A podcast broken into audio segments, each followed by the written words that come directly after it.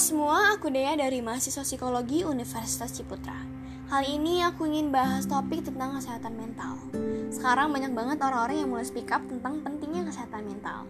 Nah, topik kesehatan mental yang ingin aku bahas sekarang ini adalah distimia. Ada yang tahu nggak sih distimia itu apa? Singkatnya, distimia ini termasuk dalam klaster gangguan depresi. Kemarin aku baca kasus ada seorang wanita berusia 28 tahun dia itu bilang waktu usia 16 atau 17 tahun gitu dia suka merasa mengalami gejala-gejala depresi. Nah, di sekolahnya ini dia termasuk mahasiswa yang berprestasi. Tapi ada kendala yang dia apa ya, mengganggu pikirannya dia. Yaitu dia merasa kalau dirinya itu tidak mungkin bisa mendapatkan pasangan karena uh, dia merasa insecure dengan dirinya dan merasa terintimidasi. Pada saat itu dia juga mengalami proses terapi. Tapi selama proses terapi itu dia hanya ingat masa-masa tertekannya saja. Sedangkan masa-masa kebahagiaannya dia sudah tidak bisa dia ingat kembali. Gak lama setelah dia lulus, dia menikahlah sama laki-laki yang dikencani saat itu. Tetapi meskipun menikah, dia ini tidak menganggap suaminya sebagai seorang yang spesial ya dia menikah karena bagi dirinya dia butuh suatu pendampingan dari seorang suami. Karena pada saat itu ada cowoknya atau ada laki-lakinya dan laki-laki itu bersedia untuk menikah dengan dia akhirnya menikahlah mereka. Tapi setelah menikah muncullah masalah-masalah baru. Sehingga akhirnya mereka sering mengalami konflik dan bahkan sampai perempuan ini merasa bahwa menikah dengan suaminya itu sebuah kesalahan Selain itu, dia juga mengalami kesulitan di tempat kerja, seperti selalu melakukan kesalahan saat bekerja, kurang inisiatif, dan uh, untuk mencapai apa yang diinginkan, itu akhirnya sulit untuk dia capai. Dia ini termasuk orang yang orientasinya itu status dan uang. Tapi dia punya pemikiran kalau dia dan ataupun suaminya itu tidak mungkin bisa mendapatkan posisi atau jabatan yang lebih tinggi di pekerjaannya uh, karena dia berpikir uh, mustahil bisa mendapatkan jabatan itu karena dia tidak punya koneksi yang cukup banyak. Nah, si perempuan ini itu biasanya sering sama teman-teman dari suaminya. Dan dia selalu memiliki pikiran bahwa orang lain di sekitar itu selalu menilai dirinya tidak menarik atau simpelnya dia insecure. Jadi dia merasa kalau uh, orang lain itu melihat dirinya itu sebagai orang yang tidak istimewa atau sebagai orang yang tidak menarik. Padahal kenyataannya hal itu belum tentu terjadi. Dia juga tidak tertarik sama kehidupannya dia. Dia selalu meluapkan ketidakpuasannya dengan kehidupan-kehidupannya dia. Kayak tidak puas akan pernikahannya dia, tidak puas akan pekerjaannya dia, maupun dia juga tidak puas dengan kehidupan sosialnya dia.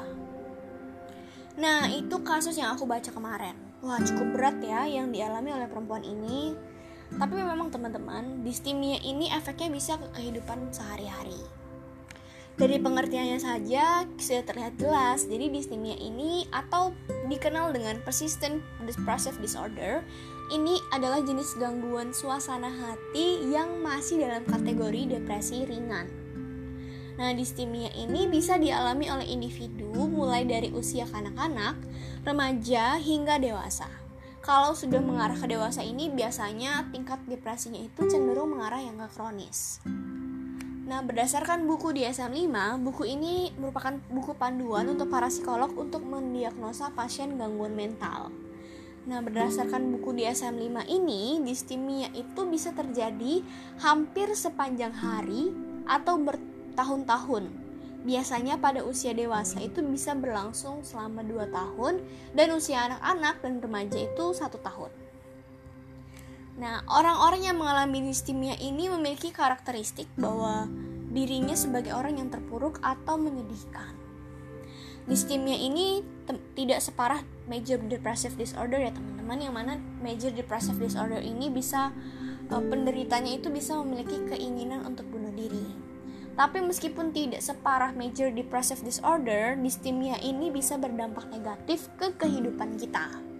Contohnya pada kasus tadi di mana perempuan itu diceritakan um, mengalami sulit bekerja, terus sering melakukan kesalahan dalam pekerjaannya dan uh, dia juga punya perasaan-perasaan inferior. Nah, uh, gejala-gejala apa aja sih yang menandakan orang mengalami distimia?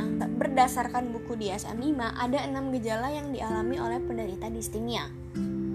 Yang pertama, nafsu makan menjadi buruk atau bahkan berlebihan mengalami insomnia atau hypersomnia. Nah, hypersomnia ini gangguan tidur di mana orang tidur itu tidurnya lebih lama dari biasanya.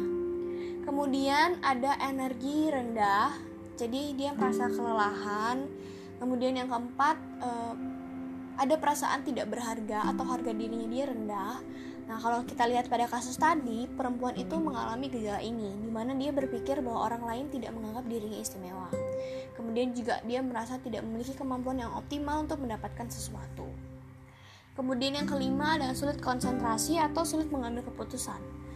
Nah, pada kasus tadi juga sama, dia mengalami gejala ini juga, di mana dia melakukan kesalahan saat bekerja karena dia sulit fokus pada pekerjaannya itu. Yang keenam, putus asa atau pesimis. Perempuan dalam kasus tadi juga ditandai dengan gejala ini, di mana dia merasa tidak mungkin bisa menjadi atau mendapatkan jabatan yang lebih tinggi hanya karena tidak ada koneksi. Padahal sesungguhnya tanpa koneksi pun dia juga bisa memiliki jabatan yang lebih tinggi melalui kinerja-kinerjanya. Nah, di SM5 itu menjelaskan bahwa seseorang didiagnosa mengalami distimia itu kalau setidaknya individu tersebut mengalami minimal dua gejala di atas. Lalu gejala-gejala lainnya menurut para ahli itu penderita distimia memiliki regulasi emosi yang rendah, sensitif, mudah marah, mudah tersinggung, dan produktivitasnya menurun. Lalu kenapa kok orang bisa mengalami distimia? Secara umum, penyebab distimia itu belum diketahui dengan pasti. Namun ada beberapa faktor yang diduga bisa menyebabkan orang mengalami distimia. Yang pertama, ketidakseimbangan bahan kimia di otak. Dari artikel yang aku baca, penderita distimia itu dikarenakan bahan kimia serotonin di otak di mana tugasnya mengatur suasana hati dan ketenangan saat menghadapi stresor itu menjadi rendah. Sehingga ketika individu menghadapi stresor, individu tersebut tidak mampu untuk mengelola emosinya sehingga menimbulkan ketidakamanan, rasa kegelisahan, dan harga diri menjadi turun. Kemudian bahan kimia dopamin yang rendah di otak juga mempengaruhi di mana seorang seorang akan sulit untuk memperoleh motivasi dalam dirinya.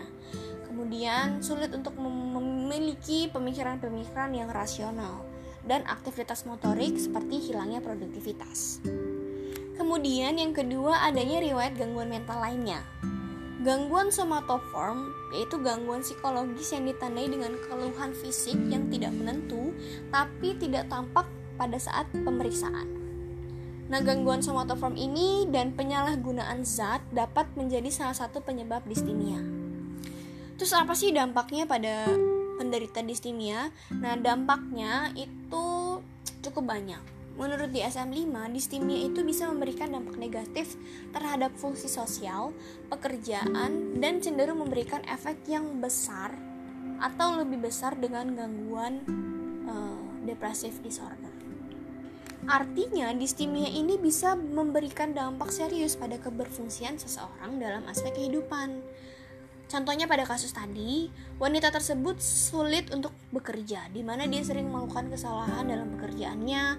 Kemudian dalam pernikahannya juga ia mengalami konflik dengan suaminya. Lalu ia pun sulit juga untuk mencapai sesuatu yang dia inginkan. Kemudian hal-hal lain yang bisa berdampak adalah pertama pola tidur. Di asam 5 menyebutkan penderita itu mengalami insomnia atau hypersomnia, di mana antara sulit tidur atau bahkan tidur yang berlebihan. Menurut survei yang aku baca, sebanyak 80% penderita depresif disor, uh, distimia ini berpotensi mengalami insomnia dan 15% berpotensi mengalami hypersomnia. Kemudian yang kedua dapat berdampak pada pola makan.